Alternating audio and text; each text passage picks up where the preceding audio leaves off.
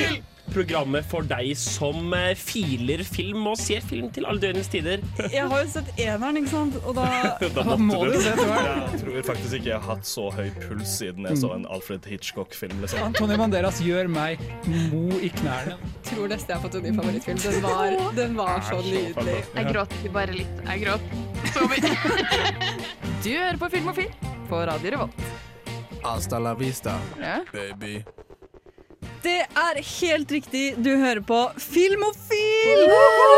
Første sending dette semesteret. Og vi er så tilbake, vi. Vi er så heftig tilbake. Det er så sjukt Tilbake. Ja, det er helt heftig. Men i dag så er det da første sending dette semesteret. Og i dag skal vi også ha listesending!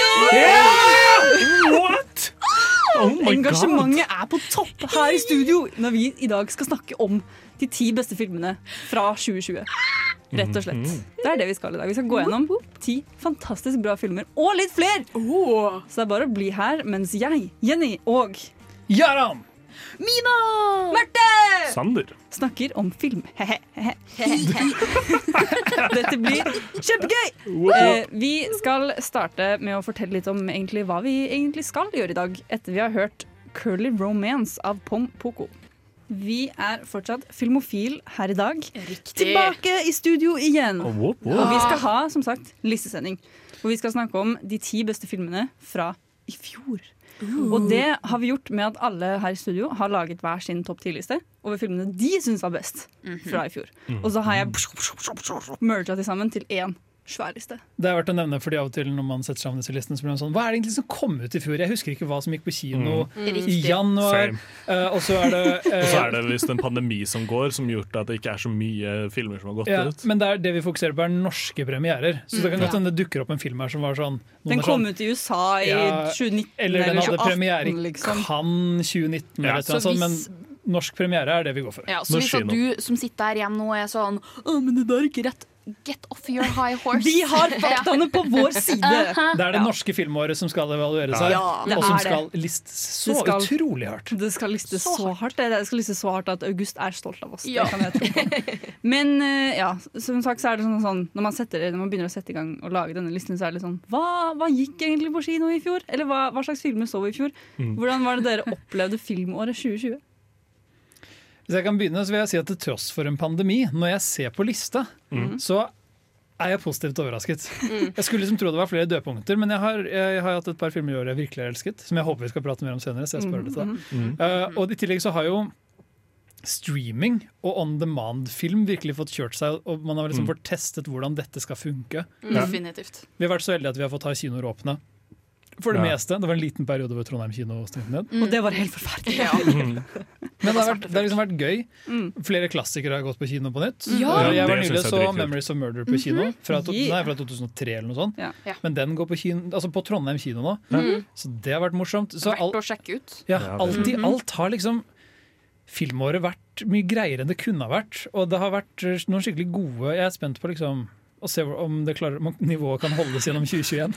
Ikke sant? ikke sant? Og jeg, når jeg satte meg ned med lista, så kom jeg på at vent, Kosmorama skjedde før lockdown starta i, Ah, yeah. i mars en en gang. Mm. Så jeg kom på at ah, shit, men jeg likte jo egentlig alle filmer som var der. Altså, det er så Men ja, det var det jeg hadde å bry meg med. jeg kom på at I Kosmorama var en klassisk. Mina-stil. Men jeg var også litt sånn eller, da jeg så listen min, så var jeg sånn shit. Det er jo flere filmer jeg skulle ønske var på denne lista. Jeg, ble, jeg overrasket meg selv over hvor, film, hvor mange filmer som faktisk kom ut i Jeg har likt mer enn ti filmer fra i fjor. Ja, Ja, samme her. Det, samme det jeg merka når jeg gikk gjennom, var at det er flere av de litt mindre filmene jeg har sett, som jeg ikke hadde sett til vanlig, fordi jeg hadde heller da sett en av de blockbusterne som har blitt Ja, dytta ja. vekk og dytta vekk. Same, Ikke sant? same. Filmer som hadde drukna i uh, Til fordel for Black Widow. Og, ja. Men New Mutants kom ut, og den var helt jævlig. ja, ja, men den ja. Oops. Hva skal vi gjøre? Jo, vi skal snakke om filmene som var gode i fjor. Men først skal vi få høre 'Peppers and Onions' fra Tierra Whack. I dagens listesending så skal vi starte med å snakke litt om de filmene som kom veldig høyt opp på alle våre lister, men som dessverre ikke kom med på den totale, felles, store, guddommelige topp 10-listen vår. Og da tenker jeg vi starter med Marte, rett og slett. Ok. Din høyest plasserte film som ikke kom med på den totale listen, var 'Et glass til'. Nei! Åh, Å, men den var så fin og bra! Ja, hvorfor var den fin og bra, Marte? Druk på dansk. Ja. Nei, det er jo den danske filmen som kom ut nå med Mats Mikkelsen. eh, hvor det er, det er egentlig fire menn som er i århundrets midtlivskrise. Eh, som bare kjeder dritten ut av seg og jobber på en ungdomsskole, tror jeg. Mm. Eh, og så er det en av dem som har lest om en norsk psykolog som Norge. har en teori om at alle mennesker er født med 0,05 promille for lite. Ha, Så det disse fire mannfolka skal prøve ut, er eh, Blir livene våre bedre hvis vi har 0,05 i promille hele tiden? Men, Og det blir det ja, men problemet, er, problemet er på en måte at, at i en periode. det stopper jo ikke der. Nei! De, du kan ikke, de klarer ikke å begrense eksperimentet. Det var en kjempegod film når det handlet om å skildre alkoholproblemet vi som Skandinavia har. Yes. Eh, det var en elendig representasjon av den vitenskapelige metode. Altså disse folkene De skrev sine vitenskapelige rapporter når de var drita. Yes. De gjorde ingen kontrolleksperimenter, de hadde ingen kontrollpersoner involvert. Og det, var, på- og det var bare sånn Vi har en påstand, vi testet den ut. Og så, spur, og så spurte de seg selv hva de syntes om eksperimentet. Så de ville egentlig bare være full hele tiden. Det ble jo fort det. Ja. Men Ja, øh, den er fra regissør Thomas Winterberg, bare for å si det veldig fort, Mm. som er altså, megadyktig. Og jeg altså likte den kjempegodt. Ja. Skikkelig sånn velnyansert film. Han er, så på, han er så flink på å gjøre ting morsomme uten å bruke sånn komiske virkemidler. Ja, ja, åpenbar humor. Det var, det Liksom. var spennende å se den i kinosalen fordi noen ville cringe til noe annet som noen andre lo av. Du fikk så brede reaksjoner fra publikum. Det var kjempegøy Mm. Å se hvordan, liksom, hva den filmen vekta følelser. Nice, nice. Jeg lekte det låt. Ja, det var jo derfor den var på lista mi. Nei, virkelig, Marte. Ja, ja. Mm. Det var en god kinoopplevelse for deg. Det var en veldig god kinoopplevelse, så jeg anbefaler den på det sterkeste. Mm. Jeg har også en venninne som var sånn Hun var på besøk hos meg i jula, og så spurt, eh, spurte hun sånn Ja, er det, noen, er det noen filmer jeg burde se igjen i? Og så var jeg sånn Nei, det kommer jo an på hva du har lyst til å se, da. Og så var hun sånn Ja, for det er en film jeg har veldig lyst til å se som broren min har sett sånn to ganger, så den må være skikkelig bra! Det var da ett glass til. Men så han gikk ut av den filmen og var sånn En film til! Rett og slett. Men Jaran, din høyest plassert film som ikke kommer på lista, Trommevirvel. det var Mank. Var det Mank, ja? Det var Mank. David Finchers Mank. Jeg bare antar med en gang at det var fordi ingen andre så den, bortsett fra deg Ja, og meg. Jenny. Ja. Men jeg hadde den ikke. på lista. På lista. Det var jo, For å kort oppsummere, da, så er det David Fincher har laget en film om fyren som skrev manuset til Citizen Kane. Stemmer, det var den! Henry-.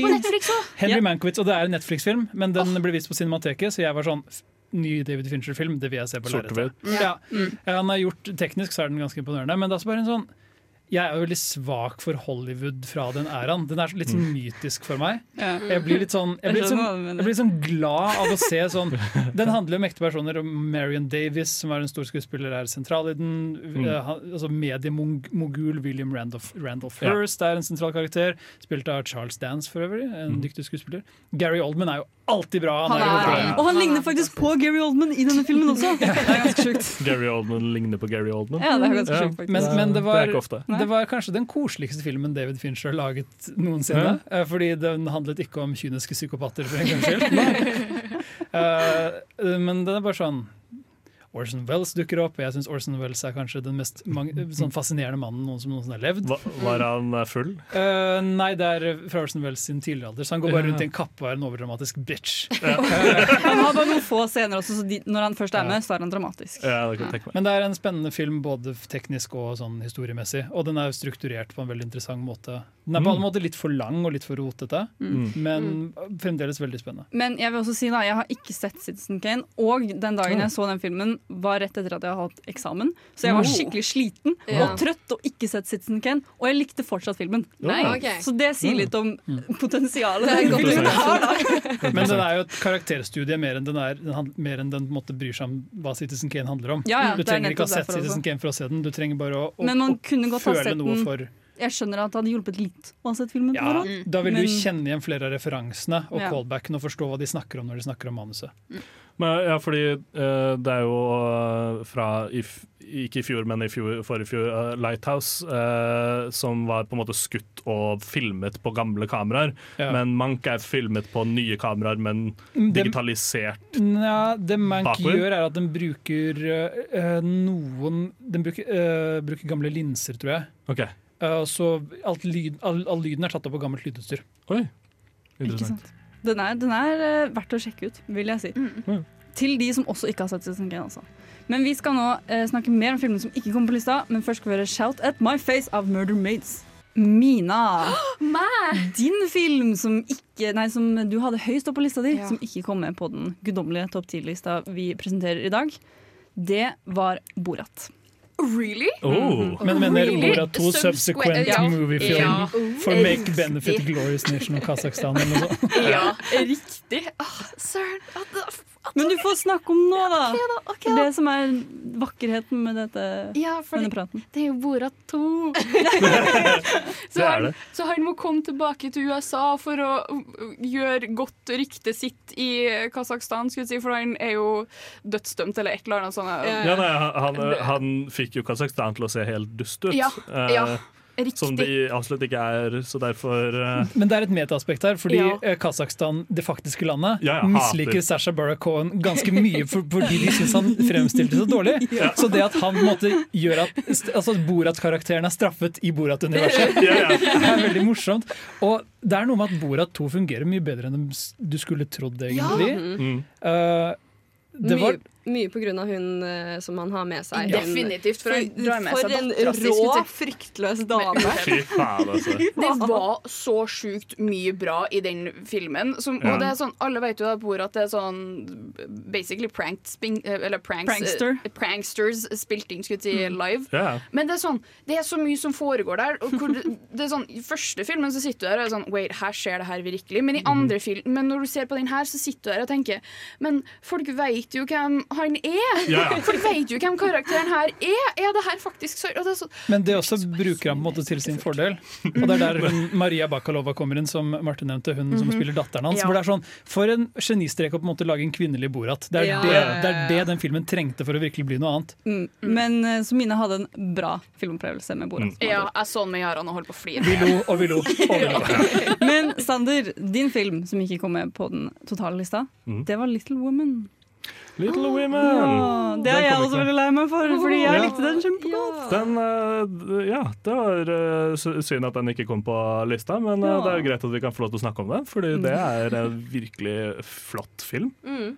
Den, eh, den satt jeg etterpå bare sånn Shit, den var fin. Prøvde å se den med, med mamma og pappa i, i jula nå, eh, men de klarer ikke når det hopper i eh, tid. Oh. da har du et problem med det. ja. Ja, eh, så jeg prøvde å lære de liksom sånn Se etter farger, se når det er kaldt og når det er varme farger.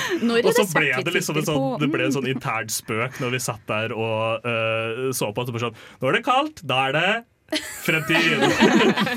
ja, så eh, det, min andre, det blir vel tredje eh, gjennomseing eh, ble litt ødelagt av at jeg måtte forklare mamma og pappa hvorfor. Men da, da hadde du på en måte sett nok ganger til at det var greit å plukke den litt fra hverandre også, Ja. med løpende kommentar. Mm. Jeg vil også bare si at jeg så den, origin, eller den fra versjonen fra 90-tallet, den med Christian Bale i eh, en av hovedrollene. Han, han spiller Timothy Chalamet, Ja. gjør han ikke det? Ja. Mm. Tenk å spille Timothy Chalamet når du er Men 90-tallet. jeg må si at den eh, versjonen av Grete Nei, hva heter hun? Greta Gerwig, Ja, ja, som Greta lagde den nye nå fra 2020. Ja. Den hun, den hun lagde, den er mye bedre. Ja, Jeg det likte, er det jeg den, hørt. jeg likte mye, mye bedre fordi hun går virkelig i dybden på karakteren. Jeg gråt så mye i den fra 2020. Jeg syns hennes Little Women er en veldig uh, jeg, var sånn, jeg er teknisk kjempeimponert over den. Og hun, det er veldig tydelig at sånn, den boka den er basert på, den hopper ikke tid på den måten. Den har ikke de metagrepene som den filmen begynner å bruke etter hvert. Mm. Så det er veldig tydelig at Greta Gerwig virkelig liksom har turt å sette seg ned og, og lage sin egen historie. Da, ut Mm, og så har hun gjort det bedre enn sånn som den var før også, syns jeg. da Så det er veldig imponerende. Og det er en veldig, veldig god film å se til! Den er sånn varm i uttrykket sitt. Du blir sånn glad av å se den. Den er Ja. veldig koselig. Ja. Veldig Men trist. filmen som, det er den også. filmen som kom på min liste, som ikke kom med fra min liste, Mm. Det var en Kosmorama-favoritt. Oh. Nemlig Corpus Christi. Nei, Ja. ja, jeg vet det, Mina. Var ikke den på lista mi? da? Så rart at den Jo. ikke Den kom akkurat, den kom på ellevteplass. Denne pratet vi om mye etter Kosmorama. Ja, det er fordi Ja. den er skikkelig Jeg har, fin. jeg har ikke bra. sett den. Kan okay. dere hørt. forklare Ok. den?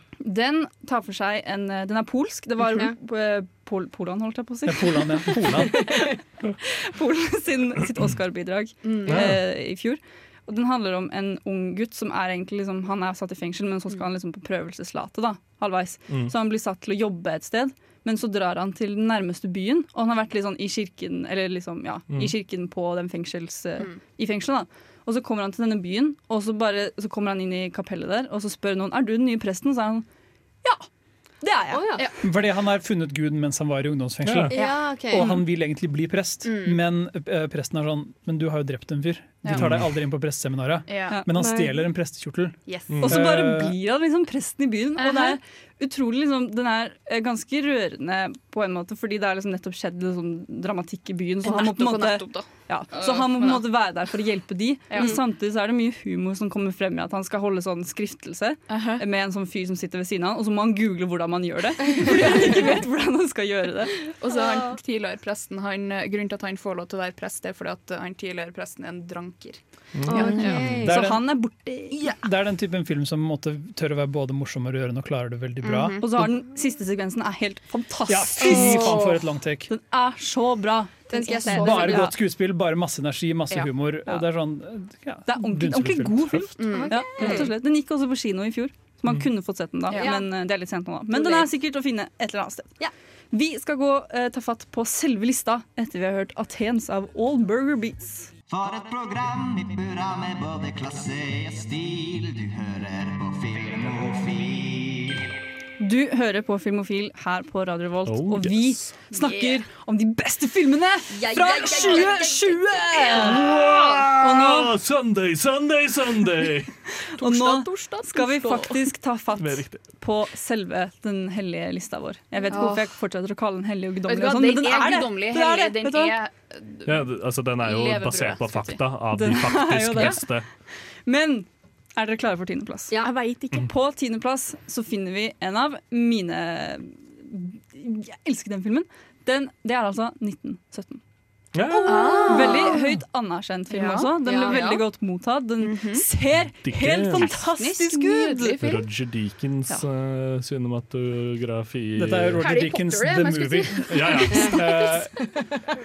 Eh, Det var det som fikk han uh, knighthood? Eh, jeg tror ikke det var den. Men eh, det, han, det, han har jo virkelig Hvis det er en fyr som har fått lov å bygge showreelen sin de siste årene, så er det Roger Deakins. Ja. Han har virkelig et bredt spekter av cinematografiske milepæler å vise til. Mm. Og 1917 hadde jo som sin gimmick å være en film som var filmet som om det var et eneste lang, en eneste lang tagning. Mm. Men Det er naturlig nok ikke det, for det ville vært helt umulig. Det ville vært helt sinnssykt.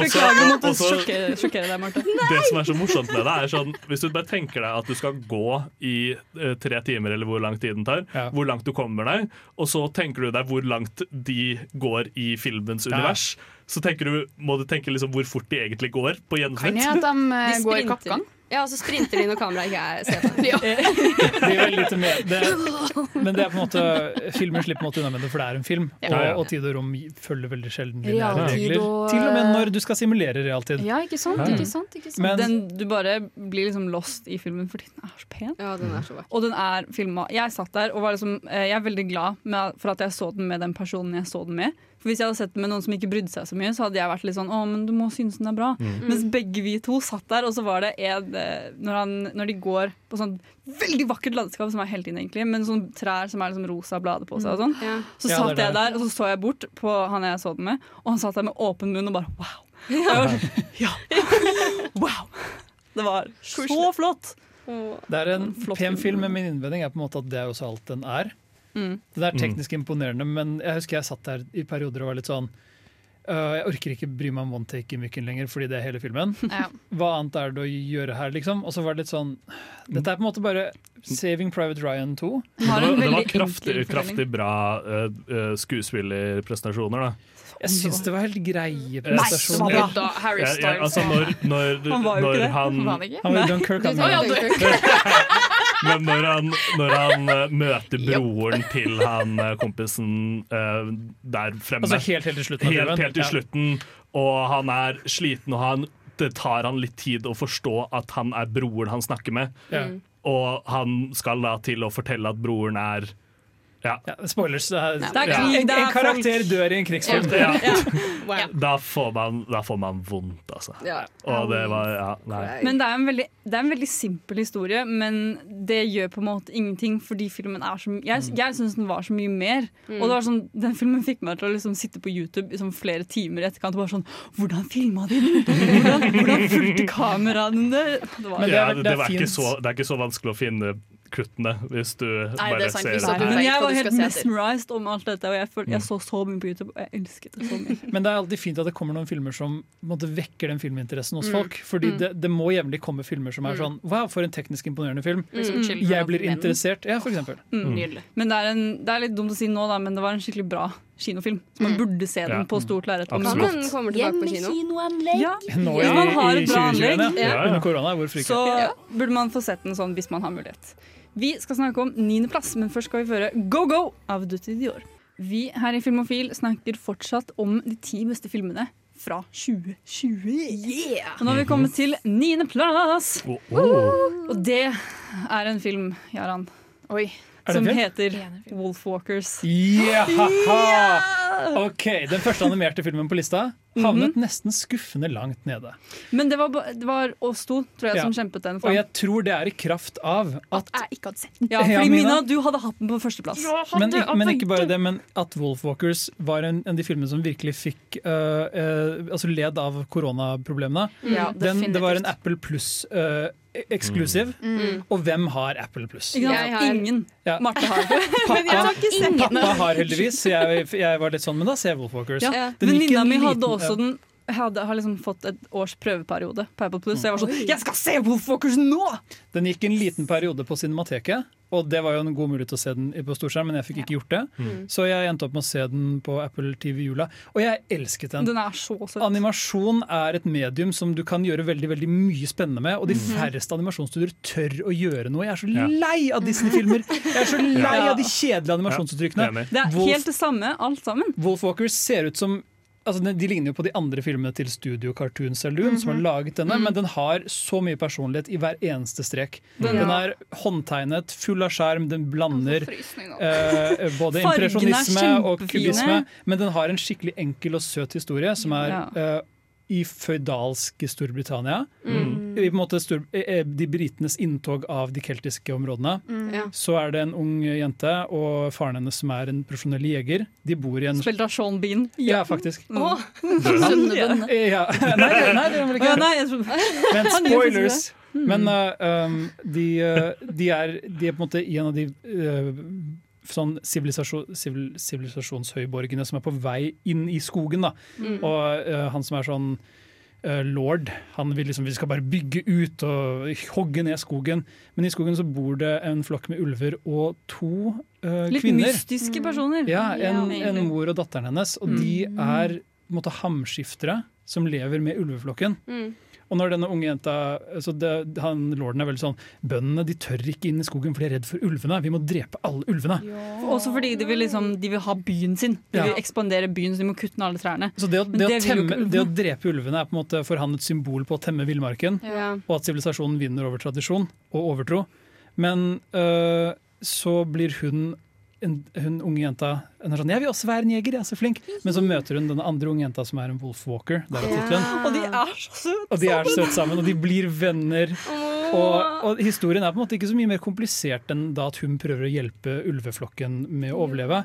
Men jeg har aldri, det er så lenge siden jeg har vært sånn absorbert i en animasjonsfilm hvor du bare transporteres vekk av hvor vakker den er, og hvor godt den ser ut, og hvor gjennomført den er, og hvor mye Hvor- du liker alle karakterene. Du får liksom medfølelse for alle hele tiden. Holdt jeg på å Og den har masse sånne interessante sekvenser. En periode så har den sånn per, eh, POV-shots hvor du ser gjennom øynene til de andre karakterene. Så bytter den aspect ratio eller fargegradering, helt avhengig av om det er flashback eller ikke. Den tør liksom å gjøre masse interessante ting med uttrykket sitt. Da. Den er på ingen måte redd for å ikke eller Den stoler så veldig på at publikum er smart nok til å holde seg gjennom hele filmen, uavhengig av hva den finner på. Mm. Men eh, jeg, den er så pen at jeg begynte å gråte kun fordi den var pen, liksom.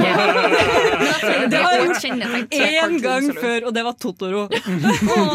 så, så var liksom, jeg satt der og gråt fra liksom halv eh, midten, og ut resten av filmen så var det tårer i øynene mine. Konstant. Og hun som, eh, venninna mi som jeg så den med, hun var sånn Går det bra igjen? Jeg Nei, det gjør ikke det! Det var så søtt!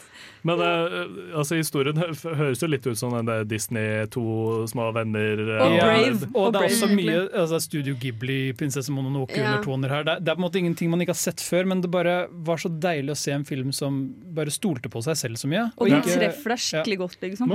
Ja, Dritkult. Og Cartoon Saloon har så mange fine, vakre filmer. Ja, men De har egentlig bare laget sånn tre-fire filmer. Ja, men er of the Sea, Secret det of the mange. Careless. Ja. Breadwinner. De er fortsatt, de er fortsatt bra, liksom. Ja. Så anbefaler virkelig å sjekke ut Wolfwalkers. Bare skaff deg Apple Pluss, eller finn deg noen som har det, og se den Filmen. Det er kanskje den filmen det er mest verdt å se på Apple Pluss akkurat nå. Det er egentlig ja. Vi skal gå videre, men først skal vi høre A Mistake av Lokoi. På åttendeplass har vi kommet nå, på den guddommelige listen vår over de ti beste filmene fra i fjor. Finner vi en uh, filmofil eh, favoritt, rett og slett, Oi, oi, oi. eh, som vi anmeldte forrige semester. Nemlig I'm Thinking of Ending. Ja. Ja bap. Yes. En skikkelig feel good-film. Det er en film jeg ikke har klart å fått ut av hodet mitt siden jeg så den. Og jeg har vært sånn, Mhm. skal jeg se den igjen, eller er den så bra fordi jeg har prøvd å på en måte dra den fra hverandre i ettertid. Så om det å se den igjen på en måte ødelegger det bildet jeg har av den i hodet. Ja. I'm Thinking of Ending Things er den typen film som du må, du, mens du ser den, så anerkjenner du hele veien under at den er bra, men når du er ferdig med å se den, så er det litt sånn jeg kan jo ikke anbefale den til alle. Nei, Du vet nøyaktig hvem som er interessert i å se den Ja. filmen, og du vet at det er noen folk du kan vise den filmen til. De er sånn Dette er kjedelig Ja. og dumt. Men tenk, tenk sånn på det som en skikkelig sterk rett. Uh, den kan være dritgod, men du kan ikke anbefale den til alle. ja. Riktig. Så det er litt sånn det, du, du, det, det at den er sterk, og det, det gjør at ikke alle kan tåle den, gjør ikke retten dårlig. Akkurat mm. samme nei, som at det det den er spesiell. Det Eh, føles som en gjør- nisje, et nisjeprosjekt. Ja. Det er det et er, nisjeprosjekt. det er nok en uh, streaming-original, eksklusiv, som er Mm. på lista. Etter både Netflix. etter sa den Wolfwalkers var på og ja. Ja. Ja. Så det, er jo, det viser jo til at det har vært interessante filmer der. Da. Jeg tror denne har gode sjanser i Oscar-racet i år. For Ja. Ja, ja. Ja, den er Um, veldig bra skrevet. det Det er- jo bare manus i den, basically. Ja, det er Charlie Kaufmans uh, film, og han er jo på en måte en, en, en skriver først, og en Skrue, filmskaper. trodde jeg du skulle si. han er jo en, en manusforfatter eh, først og fremst, og så er han regissør på andreplass. Ja. Og det merker du veldig på denne filmen. Lange, lange monologer, mens Mm. vår hovedkarakter, som jeg ikke husker navnet på, og kjæresten, eller kjæresten hans, Jess, er på en måte hovedkarakteren, Ja. egentlig. Mhm. Og det er hun som ønsker å slå opp med Det er hun som 'thinking of ending things'. ja, hun, hun har en kjæreste som de skal besøke foreldrene hans Mm. på gården der han vokste opp. Og, og hun er sånn Jake. 'Jeg har så lyst til å slå opp med Jake'. allerede, Ja. Ja. Uh, men jeg vet ikke helt hvordan jeg skal gjøre det. Og så i løpet av denne kjøreturen til familiegården og besøket etterpå, hvor vi møter Tony Collette og Ja. David Tulis, Ja. som er det beste med denne filmen. De, de er så gode i de rollene. Lupus og Ja. ja. Det er flott. De er, Det helt de er Så flotte. intense! Ja. Herregud! Skikkelig bra skuespill, i hvert fall. Tony bra. sitt uh, sånn 'jeg holder på å ha et nervøst sammenbruddsskuespill'. Ja, Det det, det, så, det er så bra, det. Jeg jeg liker det Og- hver Jeg tenker på det. Og deres uh, depiction, eller filmens depiction av, av demens oh, ja. var Ja. så hjerteskjærende. Mm. Tiden begynner å hoppe mens de er i den Ja. det, det huset, der, for å spoile bitte litt. Og da Mm. ser du på en måte de ulike stadiene i livet til uh, foreldrene til Jake. Mm. Og så eh, skjer det mye mer i filmen. Det er nesten så det er vanskelig å snakke om den uten å spoile. Ja. Det er veldig mye greier i den, og det er litt noen ganger så er det litt vanskelig å henge med, andre ganger så er det sånn Hva er det egentlig som skjer nå? Det var jo på et tidspunkt Vi så den jo alle sammen sammen, Ja. og det var jo på et tidspunkt Netflix-skjermen begynte å bøfre, og vi trodde det var en del av filmen. Ja. Liksom. Vi var sånn, er det Å ja, nei, det er Netflix! Men jeg tror i det store og hele så er sånne type filmer hvor det er så utrolig mye og veldig mange sånn spesifikke referanser. Det er referanser til ting som du egentlig kanskje burde ha lest deg opp på før du ser den for å skjønne. Mm. Uh, det er en lang, uh, det er en lang altså Det er fem minutter som går til å sitere en anmeldelse av en John Cassavetes-film. Ja. Og der nevner skuespill som er sånn off-Broadway-skuespill som aldri ble vist i, internasjonalt på stor skala. Og du er litt sånn Dette er jo for, for snevert. Ja. Veldig nisj. Ja, men i det store og hele så tror jeg at det er den typen film hvor du må nesten bare gå med magefølelsen din Ja. når den er over. Mm. Og man, det er den typen film som du kan godt si den er et mesterverk, men du har også lov til å hate den. Fordi Ja, den er så, definitivt. Den Den går så over etter the place. ja, personlig resonans. da. Mm. Ja, for jeg syns den jo var bra, men til tider så var jeg sånn Kan det bare være over nå? For den er to Den- den og en halv time lang, nesten. Den er så lang, Mm, og det er bare monolog, nesten. Og det er veldig forvirrende med både time-skipping, skulle si, små detaljer som forandrer seg osv. osv. Det er så Ja, det, mye som mye du begynner å lure på om er det jeg som er gal, eller er det Charlie Coppen Ja, som er gæren. Det er faktisk. Hvem av oss er det som har kognitiv dissonans? Det er et eller annet feil der. Men den Det er noe som er galt. den ser helt nydelig ut, for det Ja. meste i hvert fall. Litt Ja. CGI-snø som er litt sånn eh, Mm. ja. Den tar litt pusten fra deg når du er ferdig. Det er jo sånn, Vi sa til deg var sånn Nå må vi tilbake til livene våre. Ja. Det er sant. Det skal også skje. Tilbake til Den virkelige verden er en greie. Snap back to Men vi har også anmeldt den hvis det er av interesse å høre. Hvis Da kan du gå tilbake på tidligere Filmofil-sendinger og høre det.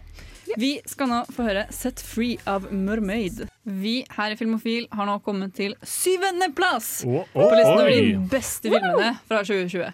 Og nå har vi kommet til eh, din favoritt, Mina. Nemlig Eurovision, Saga of Fires. The Story of Fire Saga. Hvilken plass hadde du denne på, min? Nei, Du kødder! Og det er bare på grunn av lov! Syng hele sangen. Syng. Vi skal ikke prate film, men vi skal synge. Lion Listen of til. Mina, og så så jeg førsteplassen og jeg holdt på å le meg i hjel. Jeg elsket det så mye. Den er jo så bra! Hot Stevens. Altså, folk sier at The Guest er Dan Stevens på sitt mest sexy. No. Eurovision er en Ja. ganske, Det Stevens. helt sant. Ganske peak der òg. Ja. Jeg bare syns, jeg bare syns at storyline er sånn fantastisk morsom. Og det er sånn Demo Lovato dør. Og liksom, det er så Hele er, det, det, det er en del morsomt i den, som hele konseptet om at uh, skurkene har lyst, til at, uh, har lyst til at de skal ikke vinne Eurovision fordi Ja. rent økonomisk så ødelegger det Island. Island kan ikke vinne! Kjempegøy, for det er jo faktisk en greie som er med OL og alle disse sånn Vinner og så Ja, men det skal er du ha det greie hos oss. med? Eurovision òg. Ja, jeg vet Ja. det. Fordi veldig kjapt, for de som ikke vet hva dette er, så er dette da Netflix-filmen med Ja. Will Ferrell Og og, hun Eh, Rachel McAdams. I hovedrollene. De spiller en islandsk duo som skal prøve å vinne eh, Eurovision. Det har vært drømmen Og- deres Og de heter Fires Fire Saga. Og ja, de snakker med islandsk aksent. Jo, det er det som er er, Og du har Hva heter James Bond? Han eh, Daniel Craig. Nei, Nei. det er Pierce um, Brosnan. Pierce Pierce Brosnan. Brosnan. Pierce Brosnan, Men han er, jo ikke kjent fra, han, han er ikke kjent fra James Bond, han er Nei, kjent fra unnskyld, Mamma Percy Mia. Jackson. Å ja. Oh, ja, OK. Der er han ikke kjent fra. Det er der han synger. Ja, Men man kan si takk Gud at han ikke synger i Eurovision. ja Mm. definitivt. I Eurovision så er han jo bare kjekk, og alle i hele bygda har lyst til å pule han, og Ja. har pult han. Ikke sant? Ja. Det er akkurat det. Basically. Men det er sånn bare aksentarbeidet de har lagt i. For liksom, det høres jo så forferdelig ut. Sånn. Er det et argument for at filmen er Men jeg vil også si at eh, siden 2020 var det året det var, og Eurovision ble avlyst på ekte, så Ja. er dette en god erstatning. Ja. Er Fordi det- du får, du får trashy Eurovision-sanger. Ja. Du får dramaen som følger med Ja. Eurovision. Du Du, får får the show. glitter. Du får Alexander Ja. Rybak. Ikke sant? Ikke sant?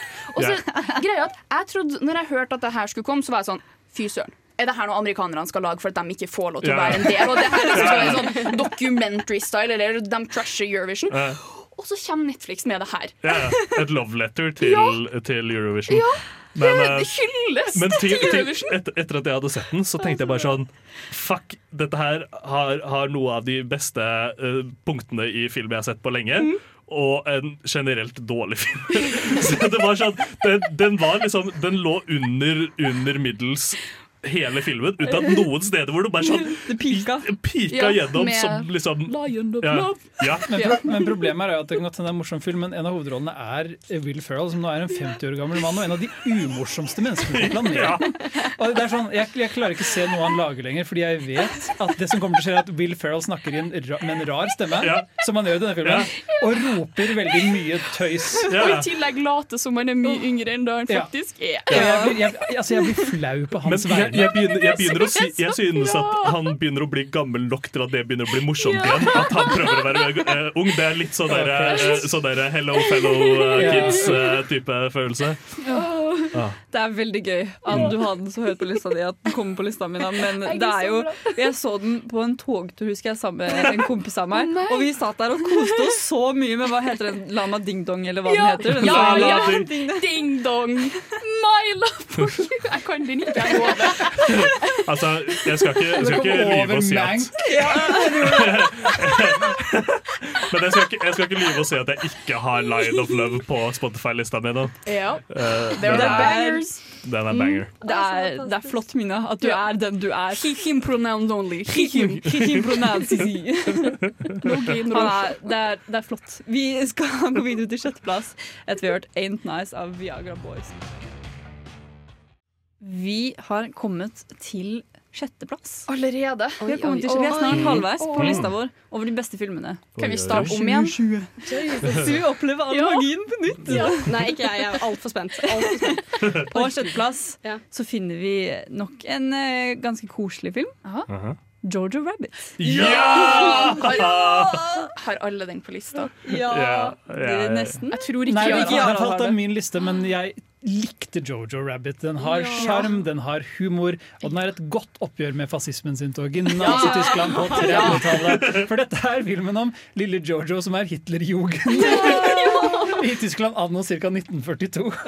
Og hans eh, største helt og idol er Adolf Hitler. Mm. Og Og hans og hans fantasivenn er Adolf Hitler, spilt av Taika Waititi, Ja. regissør og manusforfatter bak Ja. Det Ja. Fantastisk. Det er, det, er, det er fantastisk. Jeg synes er det, er, det er jo nydelig at eh, de, de lar han eh, De lar han eh, eh, Jeg tenk, tenker Taiki Waititi tok et smart valg om å kaste seg selv og ikke være han som skrev uh, nazilinjer til Ja. en annen person. Ja, for det var jo et, det var et punkt, og så var han som, vet du hva, jeg tar den selv. Ja, det er så veldig digg for skuespiller, andre skuespilleres renommé å ikke bli kastet som Hitler, og så etterpå Ja. bli tatt i en metoo-skandale, og så kommer alle bildene av deg som Hitler. Ei. Hater når det skjer. Og jeg har nettopp spilt Hitler, og så i tillegg er jeg en periode Tenk om det var Army Hammer som eh, spilte Hitler. vi, må, vi må snakke mer om det neste sending. Vi har ikke plass til det. Bare google Army Hammer hvis du er forvirra. Army Ja. Hammer Cannibal, Ja, faktisk. men eh, Shia Rabbit Ja, For å komme tilbake til plottet, så er Ja. det jo det da Johannes her, som er ihugga Hitlerjugend, blir skada på Hitlerjugendcamp. Mm. Og så Eh, veldig, veldig bra barneskuespill også. Ekstremt bra barneskuespill. Hvis det er én ting Taika Waititi virkelig har gjort med sin karriere som sånn skilt seg ut som regissør, så er det å jobbe med gode barneskuespillere. Ja. Og han virker som han er flink med de. Han er en Ekstremt. rar og morsom, gøyal fyr Ja. som virkelig når fram til barna han jobber med. Ikke sant. Eh, men ja, så den handler om eh, Det har fantastisk eh, skuespill. Handler om lille Jojo som blir eh, skada på Hitlerjugendcamp. eh, og får seg skader for livet og blir sendt hjem tilbake til byen sin. Det var det Berlin? I'm Ja, not sure. jeg tror det. I'm not sure, men ja. Når han og Scarjo, som er moren Ja, hans, som er en eh, Scarjo with the red shoes. Yes, Som jobber i resistansen, motstandsbevegelsen. Uten at uh, lille Johannes vet det, fordi Johannes er jo som sagt Han elsker Hitler. Ja, og Så hun vil hun ikke ødelegge illusjonen hans om at Hitler er Gud. Nei, ikke sant. Ikke sant. Nei, men det, det hjelper jo hennes cover. Ja, ja, ja, Eh, det at uh, sønnen er Hitlerjugend, Eh. hjelper hennes cover for å være motstand. I tillegg til at hun har eh, Hun passer på en liten jødisk jente, liten og liten, hun er vel 17 år, mm. Ja. som bor på loftet. Relativt liten Ja. Jødisk jente. Ja. Mm, ja, der har vi ordet. Så konflikten er at Jojo oppdager at hun bor på loftet, Ja. eller de sover på soverommet til moren. Nei, hun sover i veggen på Ja, eh, søstera sitt soverom. Ja. Ja, til Jojos avdøde søster. Ja. Ja. Eh, Men ingen vet at hun er død. Nei, det var det. Mm. Liten tidbit Utenfor for dere som ikke har sett. Ja. Jojo Rabbit. Men ja, så den handler jo som sagt, som du sier, at eh, det handler om eh, Jojo som oppdager at «Ah, den jøden i huset mitt, da, hjelp meg med Og så spør han Hitler hva han skal gjøre. Skal jeg drepe henne? Ja, du må nesten gjøre det. Men pass deg for jødene, for de kan suge blodet til de levende. Og, Ja. og så er det ikke han, eh, Jojo kommer på at han kan stikke henne med kniv, og Hitler sier Å, jeg tenkte du skulle brenne ned huset. Men Blaine det er problemet hvis du Da har du ikke et hus lenger. Det er sant. Det er sånn, sant. ah, ja, smart. Du er smart du, Hitler. Men så finner Jojo ut at jeg kan lage en reportasje skulle jeg si, jeg kan skrive om jødene og avdekke alle jødene sine hemmeligheter. Mm. Um, Ved hjelp av hun jenta. Ja. Ja. Uh, og så utvikles eh, Jojo Det sine, sine, sine syn på verden, skulle jeg si. Det handler jo om den at du kan på en måte bekjempe intoleranse bare ved å konfrontere den. Mm. Eh, På mange måter. At det er Mm. den beste måten å gjøre det på. Den er jo også kjempe, I tillegg til å være kjempeskjønn, så er den utrolig morsom. Ja. Og den Mhm. har et av mine favorittøyeblikk sånn i hele fjor. Det er når eh, det kommer masse nazifolk eh, jeg på å si. og så skal de si 'hei, Hitler' til Ja, hverandre. Og så er det, det er kanskje to hele minutter. Av at det er 'hei, Hitler', 'hei, Hitler'. For det er sånn ti er- stykker av De, dem. og du må- de skal si hei til alle sammen. Hei, Hitler, hei, Hitler, hei, Hitler. Det verste var når hun kom ned og må Åh, jeg fikk så vondt i meg. Men Den har også et par øyeblikk som er veldig emosjonelle, sånn, hvor du virkelig får vondt. For den, Det er ikke en film som skygger vekk fra det å snakke om at krig er ganske grusomt. Nei, nei, den er også skikkelig Men den nådde fæl, et liksom. punkt for meg, som er min hovedinnvending mot filmen, Mm. hvor den tar eh, de alliertes inntog av Berlin og alle barna som døde der, og Ja. gjør det til en diger vits. Ja. Og jeg sleit litt med å le av det, og jeg syns det var litt sånn Taika Waititi han prøver å være morsom veldig ofte, han klarer det nesten alltid. Mm. Men når han bommer, så blir det ofte litt sånn tonedøvt, og så blir jeg litt sånn jeg vet ikke om jeg helt koser meg akkurat nå. Mm. Jeg syns Ja. det blir litt men rotete. Men Ja, det Jeg følte ga- klonene, ja. Jeg følte Mm. det ga til, jeg følte det ga til uh, det absurde triste med Ja. det. Mm, Men den er generelt veldig Han klarer å balansere at den er morsom og den er Ja. trist. Og så er den filmatisk veldig bra og veldig vakker. Den er verdt en titt. Nå skal vi få høre 'Kom, gib mir deine hand' av The Beatles, Yeah. som er med i Jojo Rabbit. Der fikk vi altså 'Kom, gib mir deine hand' fra Jojo Rabbit, vår sjetteplass Mm. på Mm. de ti beste filmene. fra Ikke veldig koronavennlig. Ikke gi oss dere sine hender. Rett og slett. Men nå har vi kommet halvveis på lista. Nå er vi på femteplass! Hjelp, jeg er redd! Jeg blir spist litt. Og på femteplass så finner vi nok en animasjonsfilm som kanskje flere av oss antok at kom til å komme med på denne listen, Ja. nemlig Sjel, Ja. eller Soul. Som den egentlig Ja, Sjæl. Den er jo kjempesøt. Det er den eh, ny Disney Pluss-film. Mm. Den skulle kommet på kino. Ja, dette Ja, er, den ligger- ja, den det er den nye Pixar-filmen. Ja. Mm. Og La meg sette Shell i perspektiv for dere. Pixar hadde to filmer ute dette året. Den andre er Onward, Ja, og, det, sant det. og det er Shell. Og de to, altså Det er så Ja, de- de er tydelig hvor. Disney har hatt mest makt. ja, Disney har hatt mest makt på Onwards, det er den mest Ja. Disney, mens Sjel er mye mer Pixar. Mm, det, ja. Og mye mer bra. Ja, absolutt. Den er, den, Shell, Sjel, har et mye høyere konsept og er mye modigere. Her, er vi også, her snakker vi også om en animasjonsfilm som tør å leke seg litt mer med uttrykket sitt. Ja. Er- Kan man si at den har litt mer eh, sjel? Ja. Sorry. så, mange, så mange anmeldelser av Victor. jazzer, jazzer så hardt. Det er uh, når uh, Jamie Fox spiller en, uh, en jazz uh, sånn skole, sånn bandteacher på Mm. amerikansk high school. Han Mm. heter Mina har det. Ja, jeg har det på tunga, har det på tunga, har det på tunga. lyst til å si- Paul? Nei, Joe Gardner. Joe Gardner. Joe Gardner. Paul. og Paul McCartney fra The Beatles. Det var også bare to Paul? og, Sho- og, og, Soul er historien om Joe Gardner. Ja. Og det var så deilig. Det er veldig ofte når du ser en animasjonsfilm, så er det spetakkelet som tar hovedsetet. Onward er et kjempegodt eksempel på Ja. dette. Uh, mens her er det Joe Gardner som er fokuset. Det er et Ja. karakterstudie, og det handler om en fyr som har levd et helt vanlig liv. Mm. Og egentlig aldri har oppfylt drømmene sine. For han har skikkelig lyst til å bli liksom ordentlig jazzmusiker. Mm. Han har lyst til å stå på scenen sammen med gode jazzfolk, litt som Mm. Whiplash. Ja. Egentlig. Nei, ikke helt. Men, Men han som gjorde jazzarrangementene til Soul, er samme fyr som gjorde jazzarrangementene til La La Land. Ah. Uh, så det, den har jo litt de vibbene kanskje til altså Hollywood, moderne, altså de jazzfilmene som nå romantiserer jazzen veldig. da. Men eh, Hvitmannsjazz. Kanskje litt. Men det som skjer med det som skjer med Joe Gardner, er at han dør. Ja. Ja. Akkurat idet det liksom virker som han skal få sin big break, så, Ja. så dør han. Jeg forsto faktisk ikke det med, helt med det første. Nei, jeg var sånn, hva som skjer? Hva, hva, hva, hva, hva skjer nå? Så plutselig. Det er sånn knips, og Og det er en veldig morsom sekvens, for han, han slapsticker seg gjennom en haug med situasjoner hvor Ja. han ikke Nesten følger med på ting rundt seg, så han kunne dødd tusenvis av ganger. Ja. Og så, og så slutter musikken, så er sånn, da er komisekvensen ferdig, og så dør han. Ja. Uh, og så han ender opp i på en måte etterlivet, og filmen er ingen sånn religiøse referanser til er dette himmelen helvete. De er bare sånn nei, velkommen til Statistikk. rullebåndet. det, ja, det, det abstrakte eh, rommet Velkommen til statistikk. hvor, Ja. hvor ting skjer. Der eh, han møter Jerry og Terry, som er eh, the anglimation of all the comings together in the Ja. De er litt creepy. Jeg, Og Alan jeg syns det er en flott uh, Ja, men stilvalg. Det er Det er, det er veldig spennende at de har gjort det, men jeg ble litt sånn Jeg vet ikke om jeg kan stole oh, yeah. på dere. er, dere, er dere snille? Richard Ja, som Jerry. Ja, det er yeah. de, for Terry er han lave. Ja, jeg elsker Ja. altså, den karakteren. Og han Ja, er sånn er I'm Terry, and I'm the best. Ja, ja. I want this award for myself. Han er flott. Han er, han er en herlig nerd som liker å holde telling på hvor Mm. mange som er på dette rullebåndet. Hvor mange som ikke er der. Han skal ha full kontroll! Og han oppdager én feil når Joe Gardner Ja, fordi Joe, ja. Joe velger å ikke han, han får litt panikk og er Ja. sånn Nei, jeg kan ikke dø, jeg skal spille Og så jazzkonsert. i kveld." faller han av dette rullebåndet og ender opp i The Great Before. Ja, Der sjeler blir født. Og det, det som Altså Pixar, når de først lager disse den type filmer, de er så gode, syns jeg. På, Ja. Uh, Coco har vært et eksempel på det. Yep. Uh, Innsiden ut, som også er regissert av samme fyr, Pete Doctor, som gjorde Soul. På å snakke om disse abstrakte, litt sånn store temaene. For barn! Ja, Ja, ja, ja. For barn og hele familien. Coco handler om døden, Ja. og Mm. eh, Onward handler for så vidt også på en måte om det å miste et familiemedlem. til Ja, en viss grad. men, Ja. ja.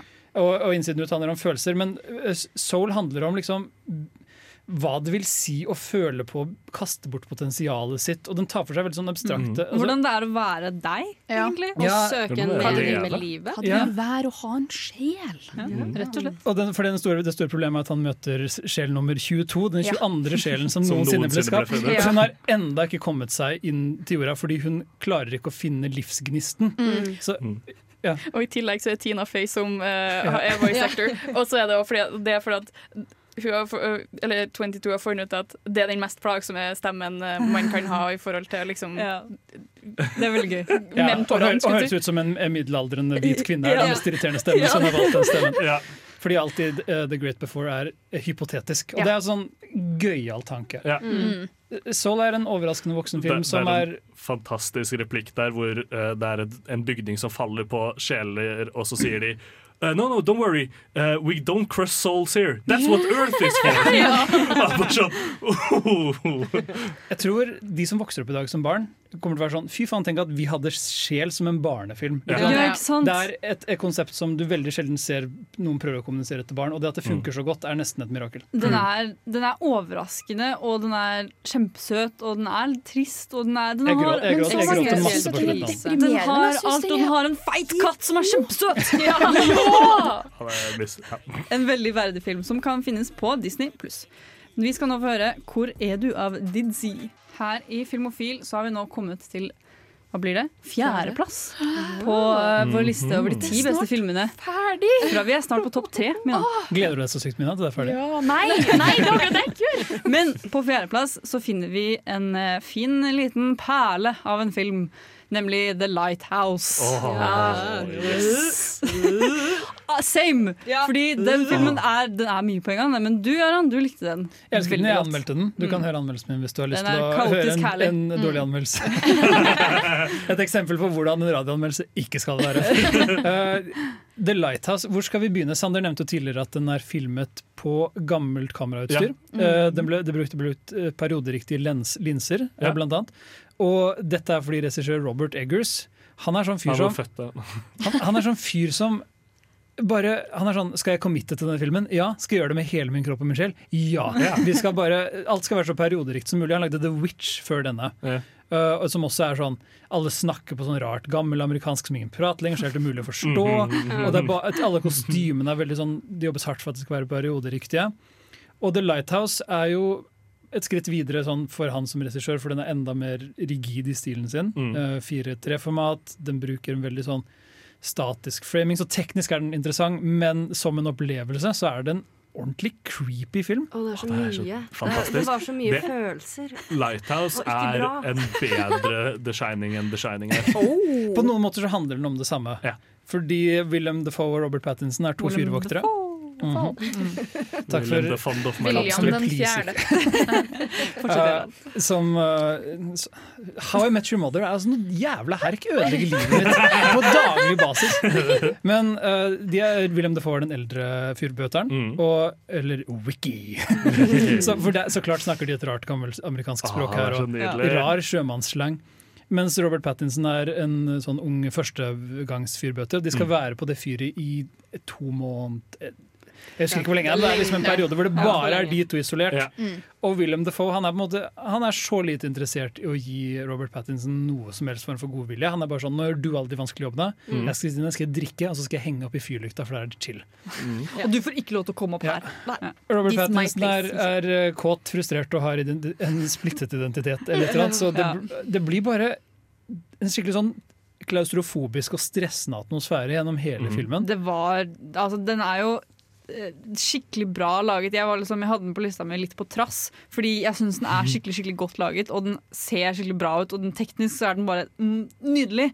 Men eh, sånn halvveis ut i filmen så klarte jeg ikke mer. Jeg satt i kinosalen og var sånn Jeg vil ikke være her mer. Jeg kan ikke, jeg takler ikke dette her. Og pappa satt og lo! Og jeg hadde det så fælt! Jo, men denne filmen er morsom. Den er det. Nei, jeg hadde bare fælt. Jeg også hadde bare fælt. Det høres ut som at det er en sånn uh, mannlig Ja. greie. At det er sånn Ha, det er gøy! Fyrtårnet er jo den ultimate penisforlengeren. Ja, ikke sant? Eh, Det er en fallus av en annen dimensjon. Altså det at to menn bor sammen i denne, denne kuken, er jo som, på en måte en veldig god visuell Ja, men Det er et øyeblikk der som på en måte hinter til en slags sånn homoerotisme, mm. hvor du da kutter til at fyrtårnet filmes eh, liggende, og så sakte vi kameraet seg så du får en erigert penis. Eh, Robert Pattinson onanerer masse i denne filmen, i hvert fall to ganger. Oi! Til, til en liten sånn havfrue Ja, for det var eh, det jeg skulle spørre om! Fordi jeg har ikke sett den. Um, Men- Så jeg, jeg søkte den opp nå bare for Ja, å være litt kul.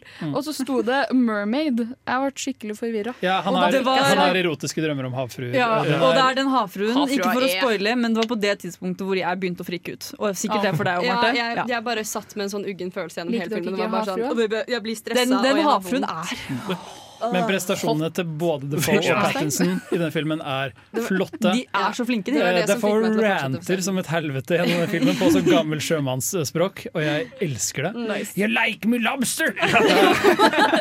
Oh. Altså, du er et godt verk. Jeg jeg fant dem med lobster, ikke? jeg syns uh, um, den er vidunderlig. Ja, Den er jo den er litt som I'm Thinking of Ending Things. Jeg ville ikke anbefalt den til alle, Nei. men Nei. de som først liker den, de elsker den. Ja. Mm. Ja, rett og slett. Det var vår fjerdeplass. Nå skal vi få høre Dahlia av Stillehavet. Hi, this is Brian Usen. I'm the producer of Reanimator and the director of Society, and I'm with the Filmophile people, and uh, we're all having a great time. Vi har spesielt en great time nå som vi snakker om de ti beste filmene fra 2020. Og vi er nå Vi er på på film og brons. Topp Tre, to, Oi,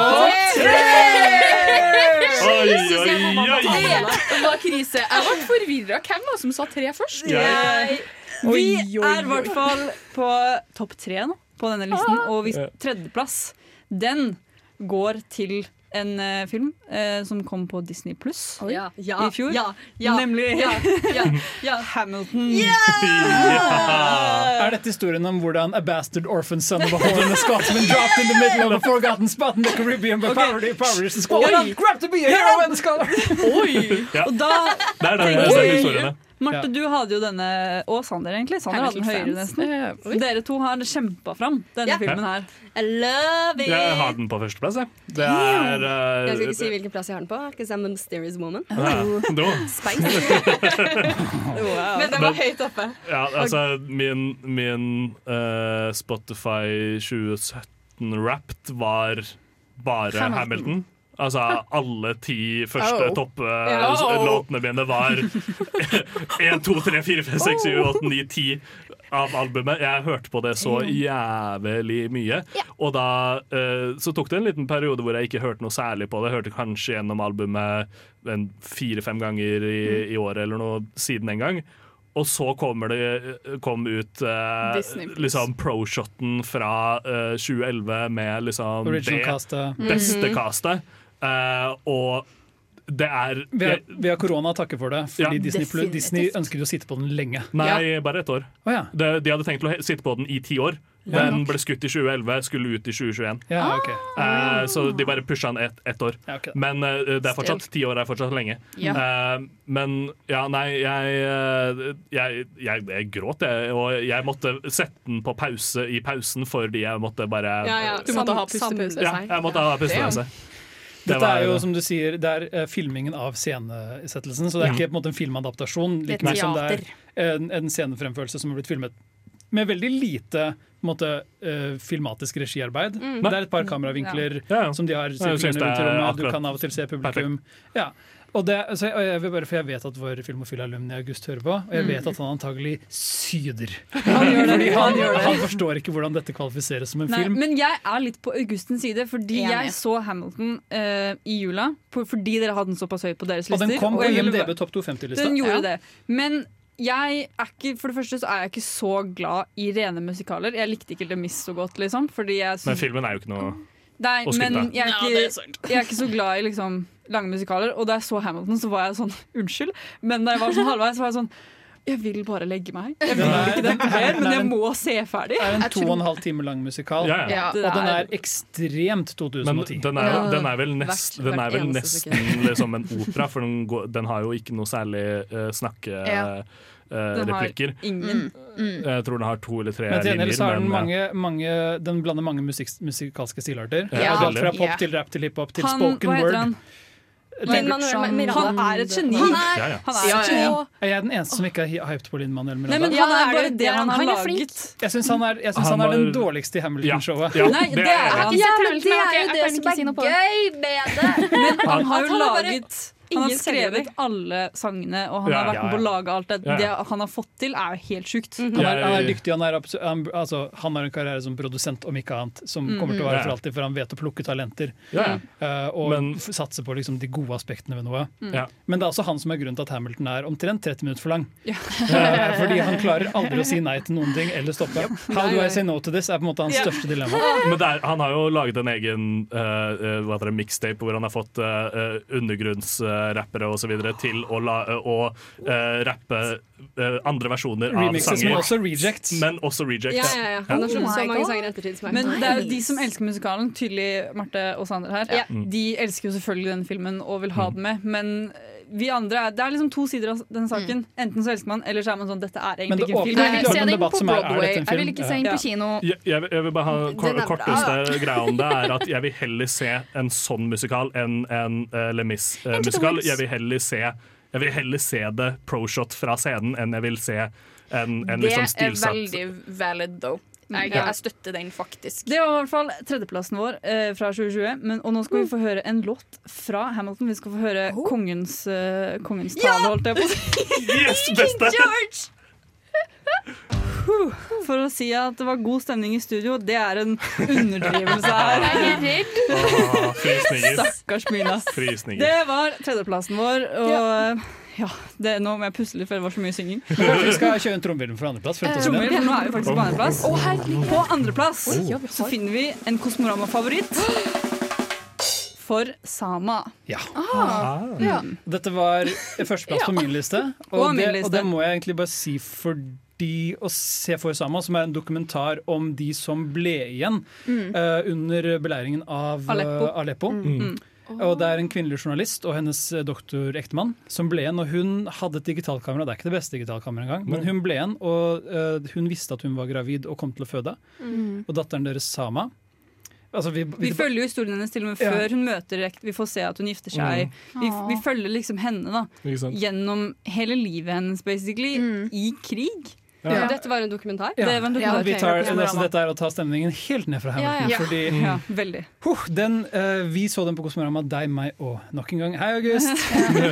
og i, i, Vi satt ved siden av hverandre, og i løpet av filmen så begynte du eller August August å gråte. August begynte først, Ja, og så så kom jeg Jaran. Jeg begynte å gråte. Og så begynte jeg å gråte. Og ah, det var ikke, det var ikke gråting, Det liksom. Det, Det var ja, hulking. brutal og grusom hulking. Det, Fordi det var helt forferdelig. Uh, det er et dokument på altså, de, de Ja. grusomhetene som har foregått i Aleppo. Mm. Det er så mange døde barn og voksne. Ja. Altså, jeg blir lei meg bare av å tenke på det. Det er skikkelig ja. Vondt å se på. Og, men, men hun snakker på en måte veldig mye om hva det vil si å Ha håp. ja, håp og være villig til å kjempe for noe. da Mm. Og at, at hun på en måte Burde jeg angre på at jeg ble igjen her med datteren min? Uh, og sett, satte egentlig henne i livsfare. Så den, den filmen er på en måte til henne. Ja. Men vi er får være med på den. Sama. Ja. Mm. Ja. Øh, og det er uh, helt hjerteskjærende. Det er Det er- så mange vonde bilder i den filmen. Det er Mm. ikke noe du setter deg ned og ser på liksom lett. Nei, Nei. du må eh, vite hva du går inn i før du ser denne filmen, Ja. egentlig. Jeg var ikke klar for det. Jeg tror jeg er veldig glad for det. For Ja. jeg tror det var da jeg dro og så Sonetten, som var en ganske dårlig skrekkfilm. Ja. Um, så Vi hadde Nei. det fælt. Det Vi, vi hadde jo egentlig en eller to filmer til å se den dagen. jeg skulle se to filmer til etterpå, men alle vi tre bare ble gikk jo hjem. Jeg og August var sånn Jeg vil ikke være alene nå, August. Åh. Ikke jeg heller igjen. Skal vi spise pai sammen? Så vi spiste pai og boller mens vi sørget litt. Det er, det er på en måte en liten vits å snakke om for Sama sånn, på teknisk eh, eh, perspektiv. Eller, Mm. Fordi det er jo bare henne, en mikrofon og det digitale speilreflekskameraene som hun har Mm. filmet med. Uh, men det hun viser, og det de velger å vise Og måten måte- hun formidler det på, Ja. ikke Mm. minst. Fordi det er jo grusomheter og det er forferdeligheter, men vi får jo også se liksom lysglimtene. Da, på en måte. Vi får jo se at hun gifter seg, at hun Mm. er forelska, at de har, liksom, de har en jo, men fest. så, blir, og- hun viser liksom alle vennene sine, så plutselig sånn Men så døde han. Ja. Så sånn, Mm. Å nei! Ja, det er litt sånn. Men hun, det Men er jo ikke bare forferdelig. Ja, absolutt. Mm. Men det er akkurat det som er greia med en sånn film som For Sama, er at Mm. hvis, du, hvis det er en film jeg skulle sagt sånn, denne filmen bør du se, så er det jo eh, den typen film, fordi det, Ja. denne filmen handler spesifikt om noe som har skjedd. mm. Og som, det er så fjernt for oss av og til. Vi Ja. vet jo at Aleppo har blitt bomba. Vi har jo Ja. hørt Vi har blitt bedt om å bidra til uh, kampanjer, og vi blir, vi, de nyhetene når oss, men det er så vanskelig Det å føle det på så, huden. det blir så nært Mm. når hun Ja. også filmer det. Hun, særlig der husker en eh, del hvor det er sånn de er inne på et sykehus, og så begynner dette sykehuset å riste. Ja. Og så er det litt sånn Vi må finne Sama, vi må, vi må komme oss ut herfra, og så må de redde så mange de kan på veien samtidig. Ja. Og det er liksom bare det, og at de klarer å komme seg ut, og at de da etterpå filmer liksom hvordan Ja. de jobber, sykepleierne jobber, hvordan mannen hennes jobber med å liksom redde de livene som var der. og sånn og sånn. Mm. Det er skikkelig film. Ja. Virkelig. Både å prate med liksom, familie og venner, men også bare altså, For det er veldig mye av det er sånn Det kunne nesten hørtes ut som det er litt sånn uh, tristhetsporno med bare bilder og liksom, Mm. trist og vondt ting, men det er også mye sånn eh, en middag hos venner hvor hun spør liksom, for eksempel den unge sønnen deres hvordan han syns det er å bo der, og han Mm. prater litt om det. er det sånn, Jeg savner vennene mine, de har dratt fra byen allerede, jeg gleder meg til jeg kan se det igjen. Mm. Mm. Og bryllupet de- deres, for Ja, eksempel. de vet jo på en måte at det er en fremtid som flyktninger som venter de der ute òg, da. Mm. Mm. Ja. Så det er um, Altså det er et dokument, først og fremst. Det er på en måte journalistikk mer enn det er en film, men for en opplevelse. Ja, det er jo jeg, jeg kommer aldri til å se den igjen. Nei, den fikk jeg skikkelig lyst til å se. Ja. Vi så, jo, vi så jo ikke mer film etter det, eh, som vi sa, men den treffer deg også skikkelig hardt. Ja. Mm. Det er jo ikke bare midt under, men sånn hele opplevelsen sitter du der og bare er litt sånn tom. Mm. Og er liksom Men nei. Å. Mm. Var det ikke òg for samer som gikk på Trondheim kino for ikke så lenge siden? Jeg tror de fikk en liten kinoperiode Ja. etterpå. Den har den var jo en, en, dok, en dokumentar som fikk veldig mye buzz, Ja. uh, naturlig nok. Mm. Og det er også i kraft av at det bare er liksom en viktig film. En sånn, Mm. Mm. Mer enn noe annet. Bare en film som man bør se. Ja, Mm. egentlig. Men vær klar for at den er veldig tung Ja. før du Ja. ser den. Og det er ikke for svarte mager, for det er noen biter her som er vonde, liksom. Det er, vi gråter jo som vi hulka, liksom. Åh. Det er en verdig andreplass, Ja, egentlig. det høres sånn ut. Se den. Nå skal vi eh, gå videre til å høre litt låter, noe litt mer muntert. Og da skal vi høre Mart Simpson av DJ Black Power. Nå, i Filmofils liste over de ti beste filmene fra 2020, har vi kommet til førsteplassen. Hjelp, jeg er redd! Og det er Parasite! Men vi har alle sammen merka at eh, Parasite i svart-hvitt, ikke sant? Vi har alle vært såpass nisje- og Jeg, filminteressert, jeg, har, jeg har ikke sett uh, Parasite i uh, svart-hvitt. Det er bare Mina jeg som har det. jeg har Nei, jeg sett ja, det. Men jeg har sett, jeg har sett en video om, om det, hvor en, en sånn videoessay-fyr Mm. sier han sier liksom at ja, det var mye, mye annerledes, men han syns fortsatt at den i farger er bedre fordi eh, tanken Altså bak når du filmer den, så filmer du den og lyssetter den på en annen måte enn Mm. Ja, du hadde gjort med, med en, svart, en film du har tenkt til å ha i svart-hvitt. Mm. Så filmen kunne ha vært kul hvis den var tank, tenkt på som svart-hvitt, men Mm. ellers var det liksom ja. Eh, Det tror jeg min største opplevelse var å se den både i farger og sort-hvitt med ganske kort tidsmellomrom mellom seg, Mm. er at det er på en måte rett. Fargebruken i originalen er god nok til at Eller i fargeversjonen Ops. Wow! Det Er god nok til at det har ikke så mye å si. Men uh, samtidig så er også filmen bra nok til at enten den er i farge eller Ja, ja. sort-hvitt, så koser du deg gjennom den hele veien. Så jeg var litt sånn Ja. Det hadde nesten ikke så mye å si. På et tidspunkt så var det bare sånn Nå ser jeg bare Parasite. Jeg glemte at Ja, ja. det var i farge sort-hvitt. Jeg liker hvordan uh, vi går inn på førsteplassen, og det første vi gjør er Vet du hva, når den er i sort-hvitt? Ja, det, det, det er et testament til hvor masterpiece Det er hvor Det er, masterpiecen det er er. litt gøy, da. Men denne filmen er jo veldig veldig godt anerkjent. Hvis du ikke har hørt Ja. denne filmen, da må du skjerpe deg. Den første ikke-amerikanske filmen til å vinne Best Picture-Oscar. Ja. Ja. På Letterbox så har den bare 4,5 og 5 stjerners ratinger, nesten. Burde bare ha fem. Ja. Det, er, det er en film som ikke bare er en god film, men den ble et øyeblikk. Et kulturelt Ja. øyeblikk. Uh, Jeg, jeg trodde ikke mine egne øyne når jeg så at han fikk uh, liksom Best Picture. Det gjorde ikke han heller. Nei. Nei, nei. men for en søt fyr Bong Joon-ho Ja. Oscar-talen hans Ja. flott. Og jeg skulle gjerne snakket glad ut også! Og dere, dere vet at han spurte om å få lov til å, av Akademiet om å dele opp eh, Oscaren og dele den til crewet sitt. ja, han, er en, uh, er, han han er frisk, han er et friskt pust i en sånn egosentrert uh, Ja. eh, industri. Ja, Og det er nesten litt trist at han, er blitt, at han har fått sånn gudestatus nå pga. akkoladen hans. Mm. Fordi Jeg vet ikke om han vil det, men jeg Nei. vet ikke nok om Bong Joon-ho. Og Jeg skulle gjerne brukt hele dette stikket til å prate om karrieren hans, Ja. men 'Parasite', som er hans siste film Ja. um, enn så lenge, Ja. Så lenge. hans nyeste film, Ja. den uh, er jo Det er en koreansk film, en koreansk produksjon, og det er sørkoreansk, vil jeg merke. Mm. Og det er historien om en, eh, en familie som er ganske fattige. Ja. De lever virkelig underklasselivet. Og det er så De lever sånn legit under bakken. ja, De bor i en kjellerleilighet, en sånn sokkelleilighet. Eh, De, De bor har ikke i Gangnam, for å si det sånn. Nei, Åpningssekvensen er så bra, for den handler om sånn Fuck, vi har ikke betalt internettregninga. Hvor finner vi internett? Ja. Vi finner internett på doen. Ja. Og doen er en sånn hems. Ja, ja. Eh, Men så det den som er, er så høyere enn med alt ja. annet i huset. De, de sover lavere enn doen. Ja. Altså, de lever på et plan som er lavere enn der du etterlater deg dritt. Ja. Det er så jævlig eh, langt ned i systemet de er. Så, så subtil, det er ikke Parasite. Nei. Definitivt Men ikke. Parasite er, den begynner som en sånn greit sånn klassedrama, og så Mm. utvikler det seg det bare til en sånn heseblesende thriller. Mm, Som tar, ja. altså, du klemmer rumpeballene mine. Jeg var så høyspent første gang jeg så den filmen. Fordi rundt midtpunktet så kommer det et øyeblikk i filmen hvor du innser sånn Jeg vet oppriktig ikke hva som kommer til å skje nå. Og det kommer så mange twist ganger. etter twist etter twist. Og det er sånn, du kommer er aldri sånn til å se på et blinkende lys på samme måte igjen. Jeg, så, jeg satt på første rad da jeg så denne. Det var liksom, jeg lente meg så godt bak i stolen, men jeg bare kunne få sånn Hva er det som skjer nå, egentlig?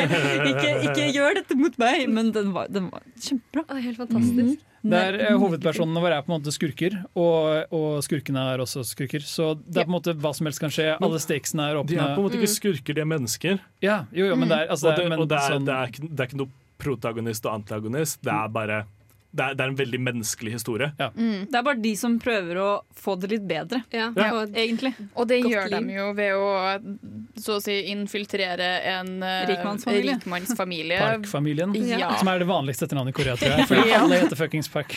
Ja. Og det, det klarer de jo.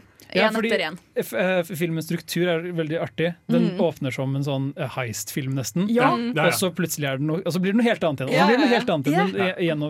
seg selv uh, kontinuerlig. Og jeg er så fascinert over at en film som har en scene hvor eh, ektemannen fingrer kona si på sofaen mens de passer på det yngste barnet, vant Oscar for beste. Er glad for at vi lever i det verden. For den sexscenen er så- altså, Kjøp skitne truser til meg! Den er Jeg er fortsatt like, like sjokkert over Nei, ikke mot klokka, med klokka, eller hva enn hun sier! Ja, bare. Det er en opplevelse uten like, i hvert fall. En veldig er verdig vinner i Hermegås uh, av Filmofils beste Ja. filmer fra i fjor. 2020. Rett og slett. Vi er, det var eh, vår brakstart på semesteret med denne flotte listesendingen. Pang, pang. Men vi er tilbake videre. Vi er, vi er her hver er torsdag nå. Ja, vi kommer tilbake neste torsdag, og eh, du får bare dukke opp og høre på hva vi kommer til å snakke om. Vi kommer til å snakke om film, vi kommer til å kose oss, det kommer til å være god stemning i studio. Så hør på det. På vei ut skal vi høre What You Want av Oscar Soul Experience. Ha det bra. Adjø.